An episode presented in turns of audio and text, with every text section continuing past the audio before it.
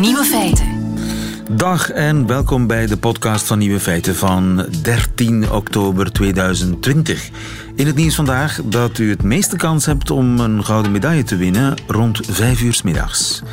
Nederlands onderzoek heeft dat uitgewezen. Ze hebben gekeken wat het ideale moment is om een sportprestatie te leveren. Ze vergeleken hiervoor de wedstrijden tijdens de zwemnummers van de afgelopen vier Olympische Spelen. Tijdens de Spelen in Athene en Londen werd er in de namiddag gezwommen. In Peking en Rio was dat iedere keer s'avonds. Zwemmers die in de namiddag aan bod kwamen, zwommen aanzienlijk sneller dan zij die s'avonds moesten zwemmen. Het verschil tussen een tijd die in de namiddag gezwommen werd en een tijd die s'avonds gezet werd, was zelfs groter dan het gemiddelde verschil tussen de gouden en de zilveren medaille.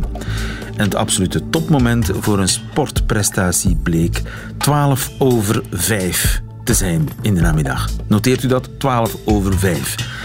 Tenzij u een jetlag hebt, natuurlijk. De andere nieuwe feiten vandaag. Ook honden geven zich soms uit voor iemand anders. Een Deense chef-kok met ziekteverlof is tien jaar lang geïnfiltreerd aan de top van het Noord-Koreaanse regime. Er is ruzie in de Poolse regering over dieren. En het brandt aan de Noordpool. De nieuwe feiten van Nico Dijkshoorn hoort u in zijn middagjournaal. Veel plezier. Lieven van den Houten. Nieuwe feiten. Het is de mol, maar dan echt een eh, Deense chef-kok met ziekteverlof. Die heeft tien jaar lang een dubbel leven geleid, zonder dat zelfs zijn vrouw dat wist.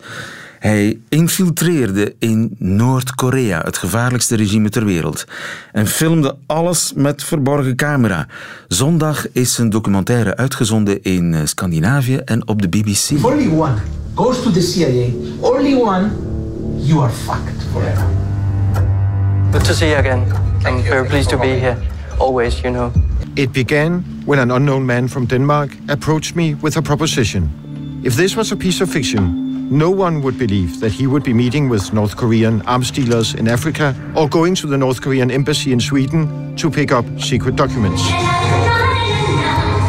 Wat de CIA al jaren probeert, tientallen jaren misschien, daar is een Deense chef-kok in geslaagd erachter komen waar Noord-Korea in het geheim mee bezig is. And what sort of weapons are we talking about?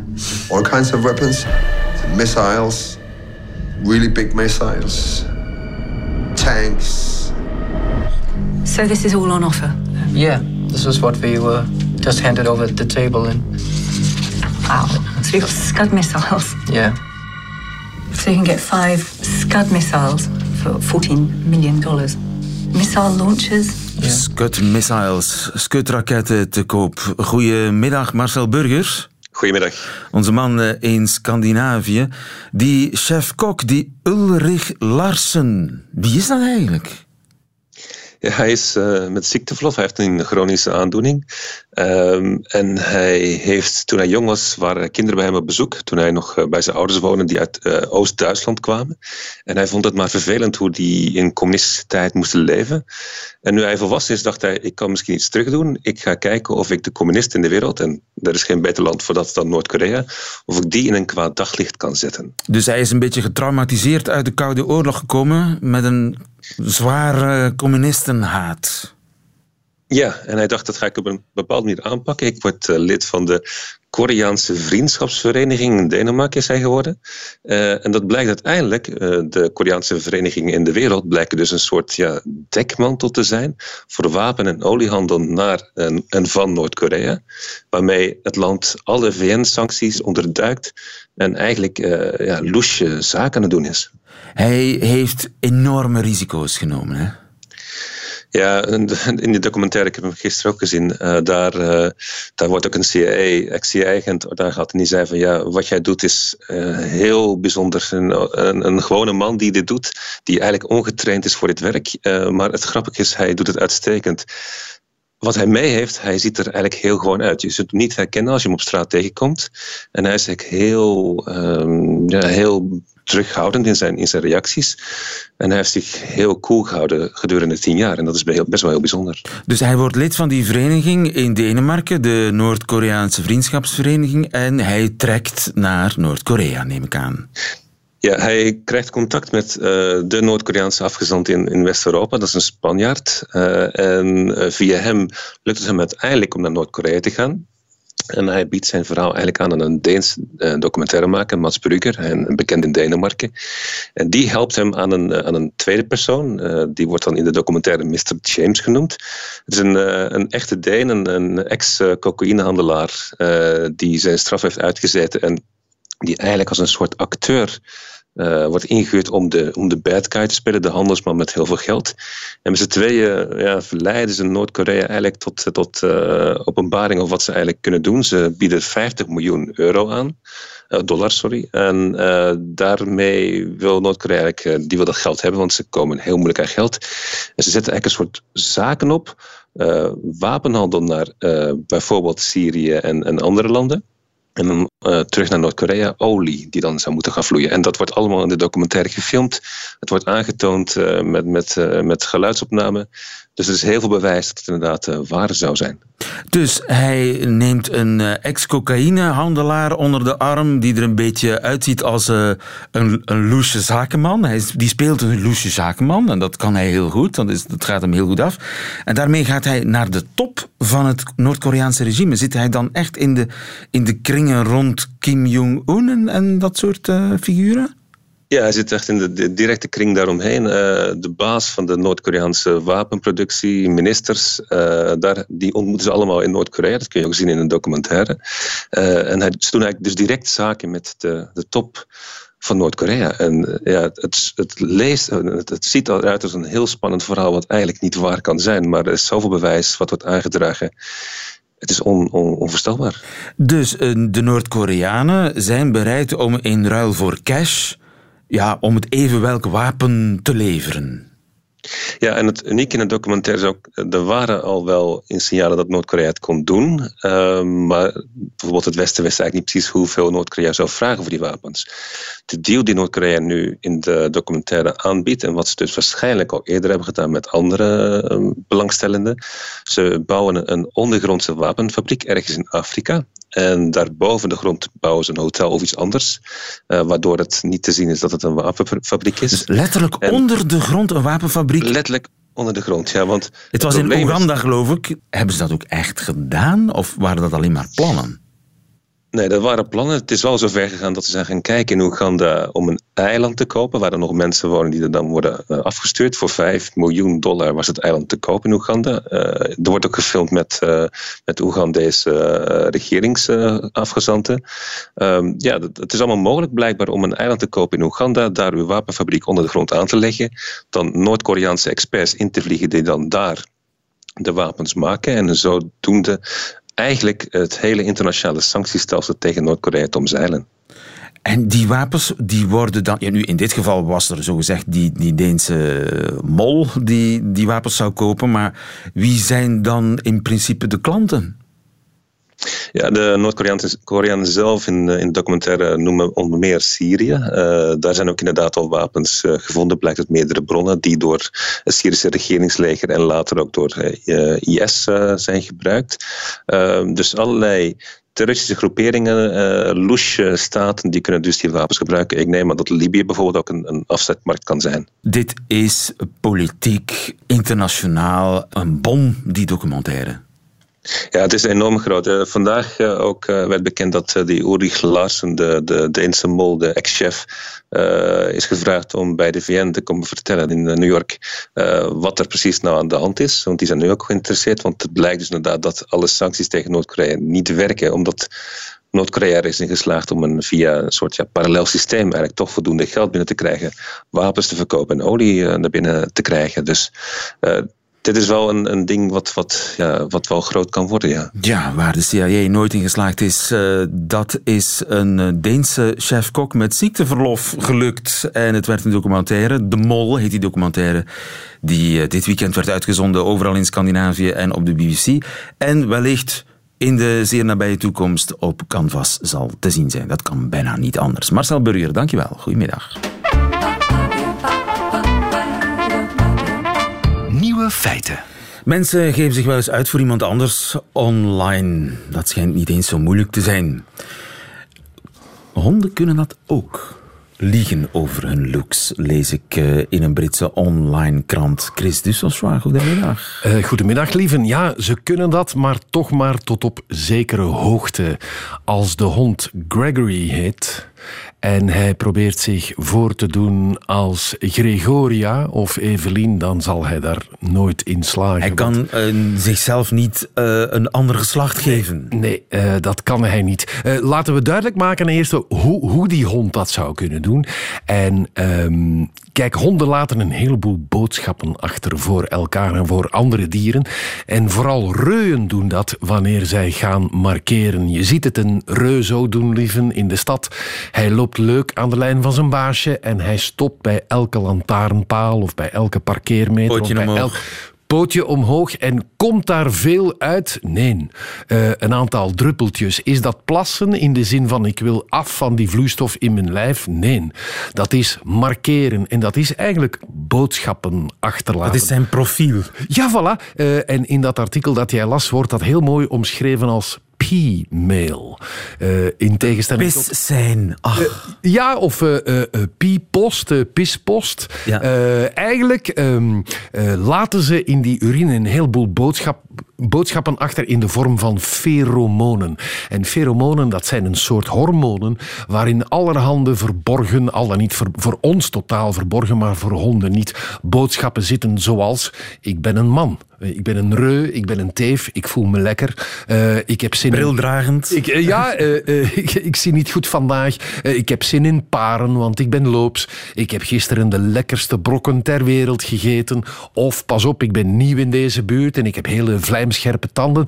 Dat kunnen honden allemaal afleiden. Hebben ze daar controle over? Over, over het signaal dat ze geven? Inderdaad. Of gebeurt dat automatisch? Uh, uh, nee, nee, daar hebben ze inderdaad controle over. En nu komen we terug naar, naar jouw initiële vraag. Ja, kunnen ze zich uitgeven voor iemand anders? Het antwoord omtrent het geslacht is nee. Maar ze kunnen wel ja, een beetje tricheren in zaken iets wat belangrijk is voor honden, namelijk hun grootte. Ja, hoe, groter je bent als hond, hoe hoger je kunt plassen natuurlijk. Een tekkeltje kan in principe niet zo hoog plassen als een Deense dog, want die staat sowieso een, uh, een tiental of twintigtal centimeter hoger op zijn poten.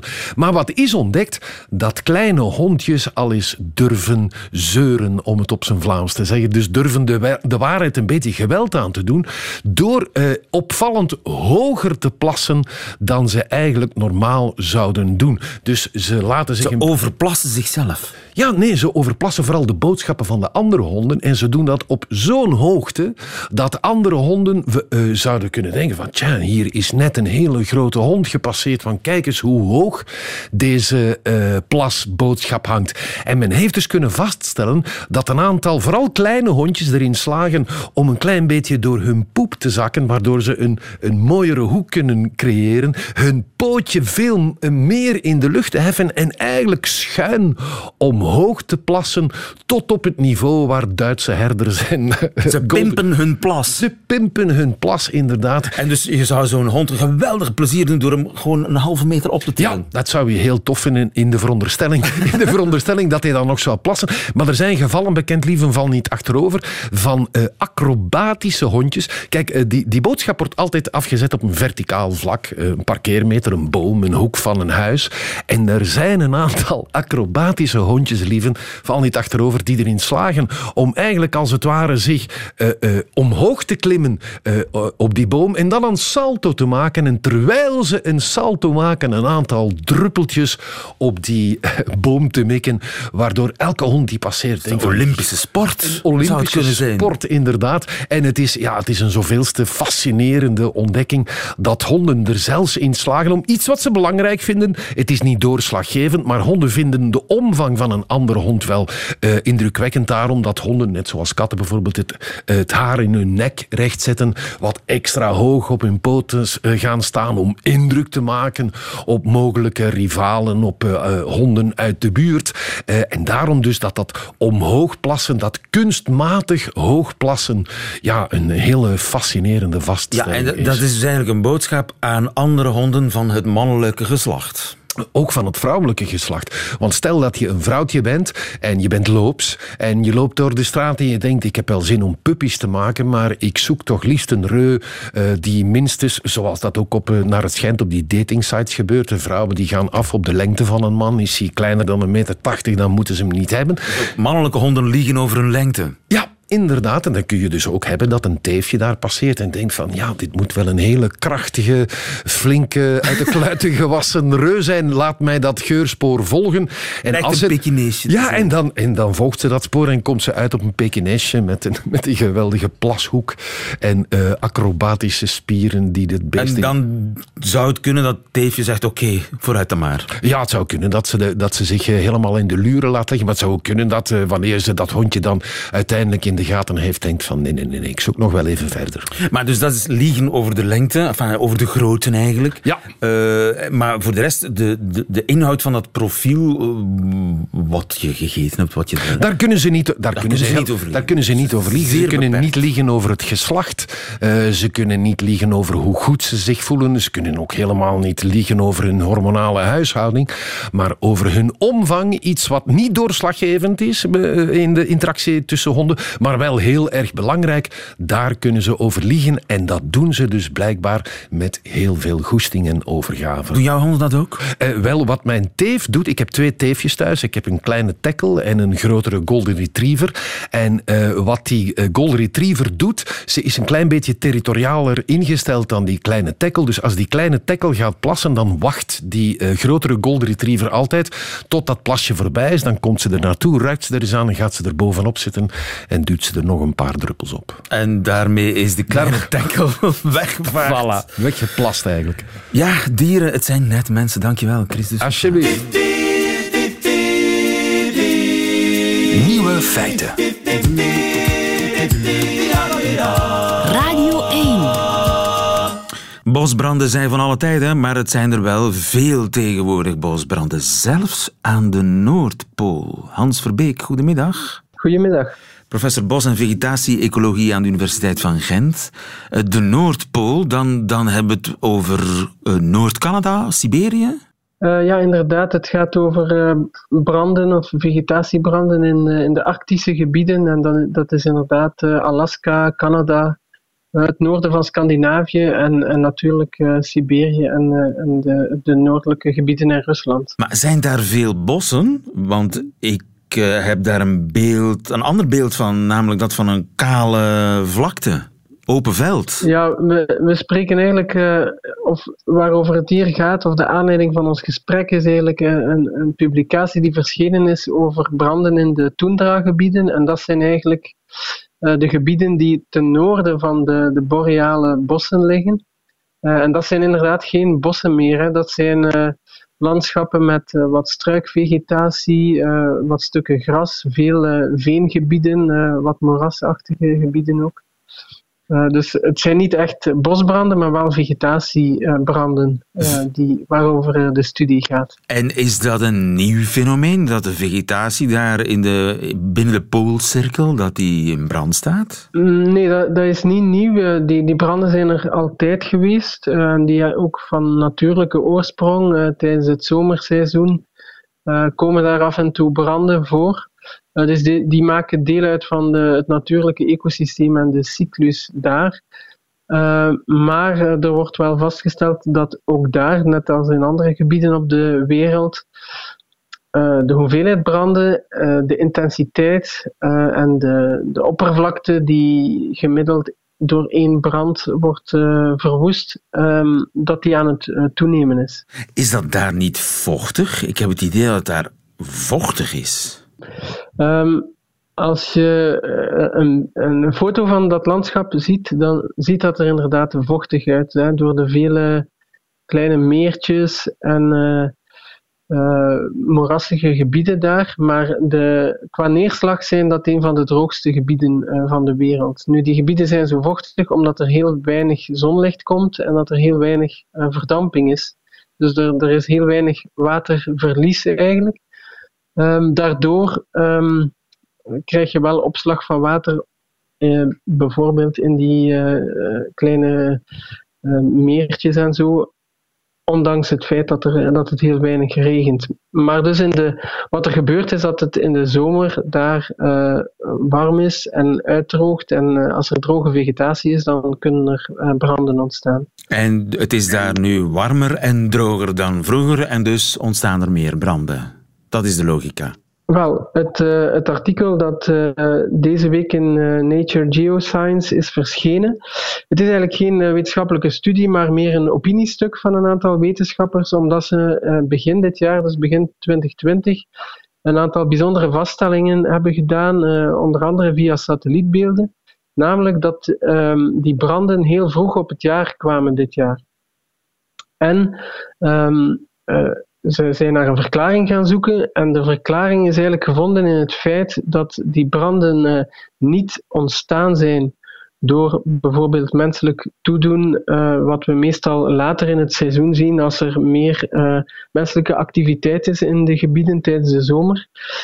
maar dat de oorzaak eigenlijk ligt aan branden die nog aan het smeulen zijn van, het voorbije, van de voorbije zomer. Uh, die eigenlijk ondergronds uh, blijven smeulen en zo eigenlijk de, de aanzet, de ontsteking zijn voor nieuwe branden uh, heel vroeg op het groeiseizoen. Dus dat zijn eigenlijk een soort van permanente branden daar? Ja, maar die zijn visueel bijna niet zichtbaar. je moet weten dat in die gebieden is heel veel veen en turf. Iets wat wij in België bijvoorbeeld op de Hoge Venen ook hebben. Dat zijn eigenlijk dikke pakken organisch materiaal die vaak heel vochtig zijn. Nu, als die uitdrogen, krijg je eigenlijk uh, een, een, droge stof die, die makkelijk brandt. En uh, wat er blijkbaar gebeurt, is dat er uh, hevige branden van vorig jaar zijn min of meer gedoofd, maar die blijven eigenlijk ondergronds wat smeulen. Als een soort en, van zombies. Ja, zo wordt het in het artikel ook wel genoemd, zombie fires. Ehm, Zombiebranden. Um, ja, die, die, die dus eigenlijk ook niet op satellietbeelden te zien zijn, omdat die eigenlijk ondergronds verder smeulen. Uh, maar uh, die uh, zouden aan de oorzaak of aan de basis liggen van nieuwe, grotere branden die dan heel vroeg in het groeiseizoen, januari, februari, al, al voorkomen. En dat is iets wat we vroeger nooit zagen. Ja. En nu, de reden waarom dat die branden kunnen blijven smeulen de winter door, is, heeft waarschijnlijk wel te maken met de klimaatverandering, omdat het eigenlijk te weinig afkoelt. Uh, en dat bepaalde uh, bodems en veengebieden die normaal volledig bevriezen uh, tijdens de winter, dat, dat niet meer doen door de klimaatverandering. En komt er bij het branden van veen en turf veel CO2 vrij? Ja, dan, dan hebben we het over de gevolgen. net als bij andere vegetatiebranden of bosbranden wereldwijd zitten we met een belangrijke feedback naar het klimaat. Eigenlijk een, een effect dat de klimaatverandering nog versterkt, omdat alle koolstof in uh, die vegetatie en in dit geval in die organische veenlagen, uh, die komt terug, terug vrij als CO2 als dat opgebrand wordt. Uh, en in het geval van de arctische gebieden is dat eigenlijk koolstof die daar vaak al eeuwen ligt opgeslagen die dikke veenpakketten, uh, die ook vermoedelijk al uh, honderden jaren eigenlijk bevroren zijn, die, die liggen daar heel stabiel al sinds eeuwen. Maar nu zijn die niet meer bevroren en als die dan gaan opbranden, dan komt het CO2 eigenlijk heel snel vrij. Ja. En zo zitten we natuurlijk in een uh, vicieuze cirkel. Slecht nieuws. Aan de Noordpool zijn er meer en meer bosbranden die ook in de winter blijven smeulen. Hans Verbeek, dankjewel. Goedemiddag. Graag gedaan. Dag.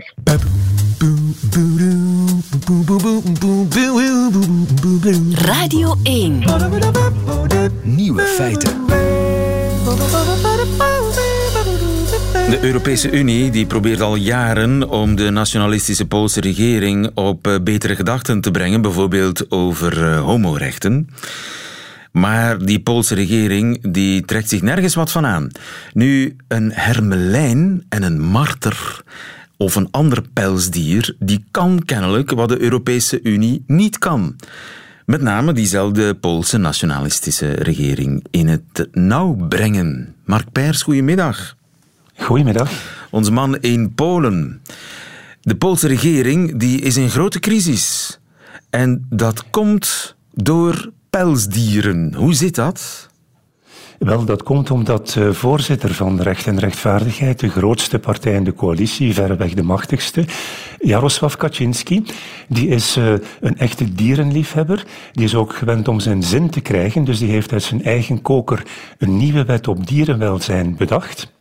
Een van de onderdelen daarvan, waarnaar je al verwees, lieven, is het uh, uitdoven van de, ja, de pelskwekerijen zeg maar, in Polen. Die zouden op 1 januari 2021 moeten sluiten. Voorts gaat het ook om een verbod op halal slachten, dus onverdoofd slachten voor de export.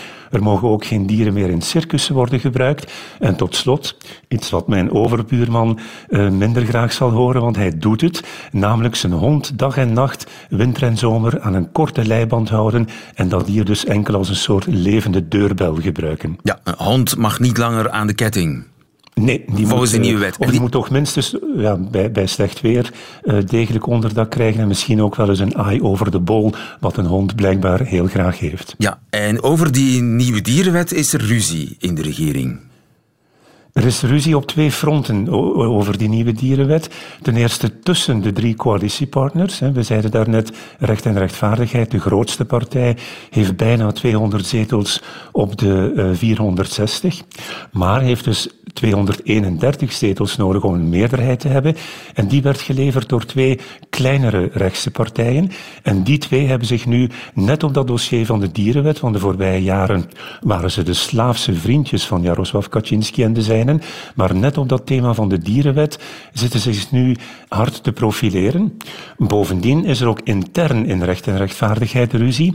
En op beide fronten heeft uh, een wit heet van torenverkerende Jaroslav Kaczynski wraak genomen. Ten eerste wat betreft die coalitiepartners. Hij heeft gezegd van kijk, er staat al langer een herschikking van de regering op het programma. We gaan het aantal ministers laten zakken van 20 naar 14. Begrijp, die twee kleine coalitiepartners, die moeten het voortaan stellen met één ministerpost in plaats van twee. En ten tweede de lui van zijn eigen partij die op 22 september in de Kamer, want de Senaat moet vandaag stemmen, maar in de Kamer is die wet al goedgekeurd. Vijftien leden van Recht en Rechtvaardigheid hebben tegen die wet gestemd en die zijn gewoon collectief uit de partij gegooid door de boze Kaczynski. Een van hen, minister van Landbouw, die is nu een van de meest vocale tegenstanders van de wet.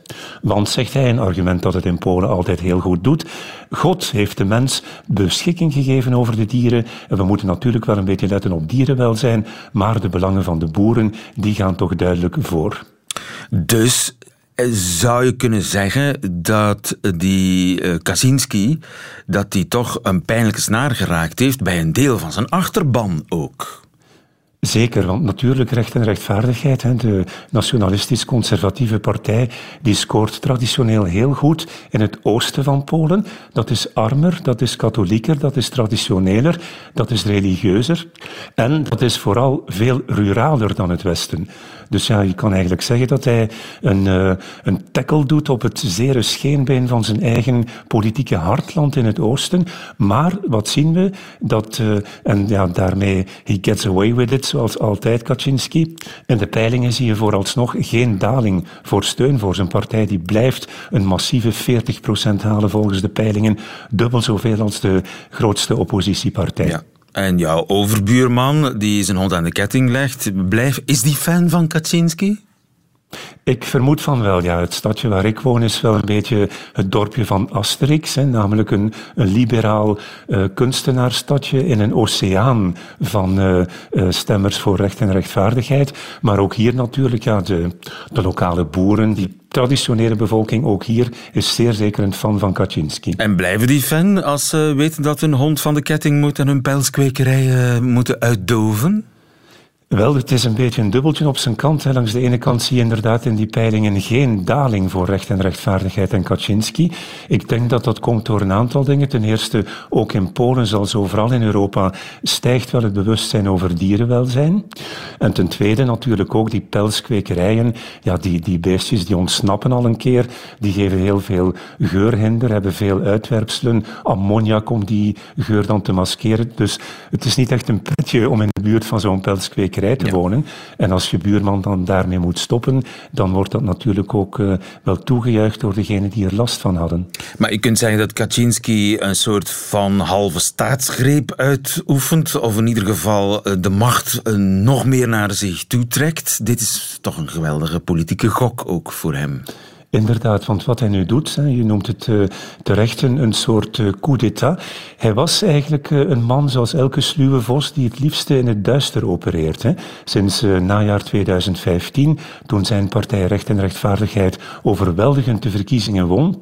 Sindsdien is eigenlijk Kaczynski de facto de machtigste man van Polen. Maar hij noemt zichzelf altijd heel nederig, heel bescheiden, een doodgewone volksvertegenwoordiger. Dus hij doet eigenlijk als een politieke manipulatie manipulatieve werk doet hij achter de schermen uit de schijnwerpers. Wat hij nu moet doen, want bovenop die ruzie over de dierenrechten heb je een tweede ruzie, namelijk wie moet Kaczynski intussen al 71 opvolgen als vaandeldrager van rechts in Polen.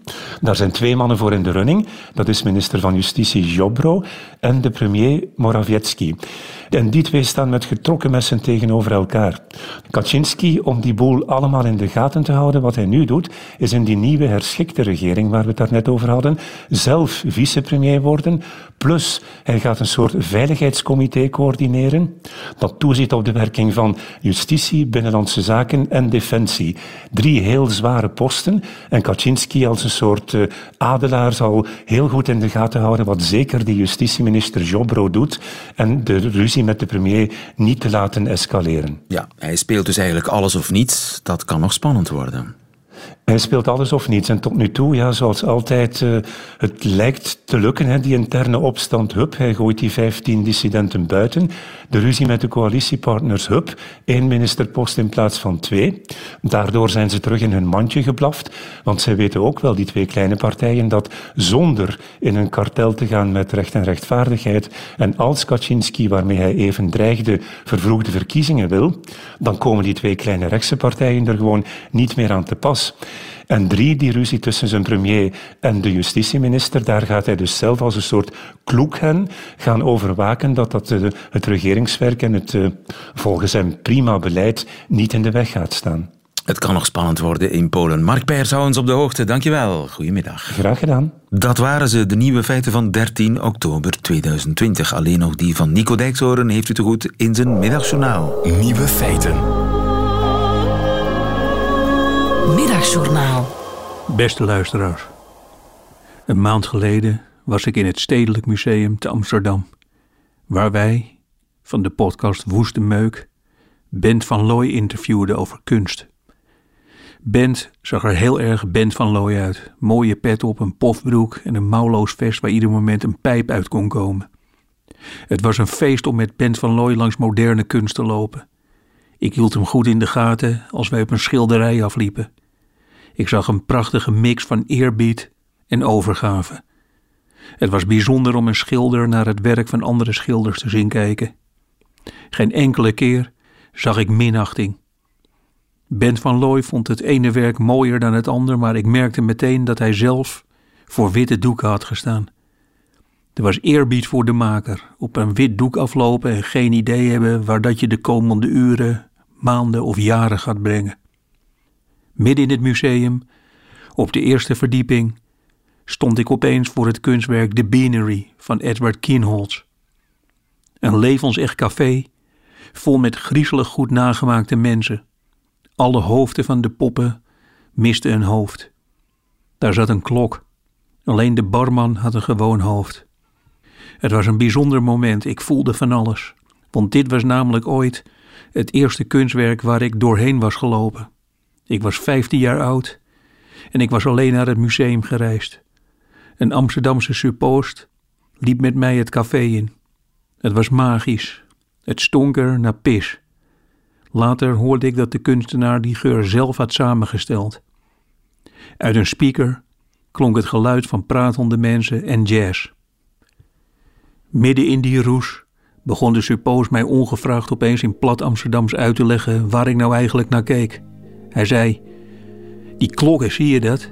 Die klokken die staan voor de tijd dat iedereen haast heeft en zo. En die barman, kijk maar, die wil naar zijn nest boven op zijn wijf gaan liggen. Dat is kun, zeggen ze, want het schijnt dus ook gewoon te kunnen kun zonder verf. En dat je gewoon een barkruk neerzet met een krop sla erop en dan gewoon kijken wat de gek ervoor geeft. Luisteraars, hij lulde maar door. En nu denk ik, was hij toen maar Bent van Looy geweest. Eerbiedig zwijgen en dan rustig kijken tot je iets voelt.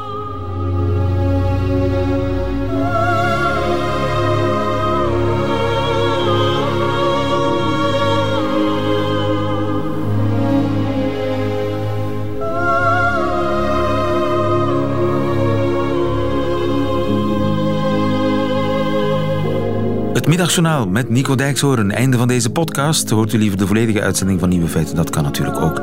Surf dan naar radio1.be of gebruik de Radio 1-app. Daar vindt u overigens nog veel meer Radio 1-podcasts. Tot een volgende keer.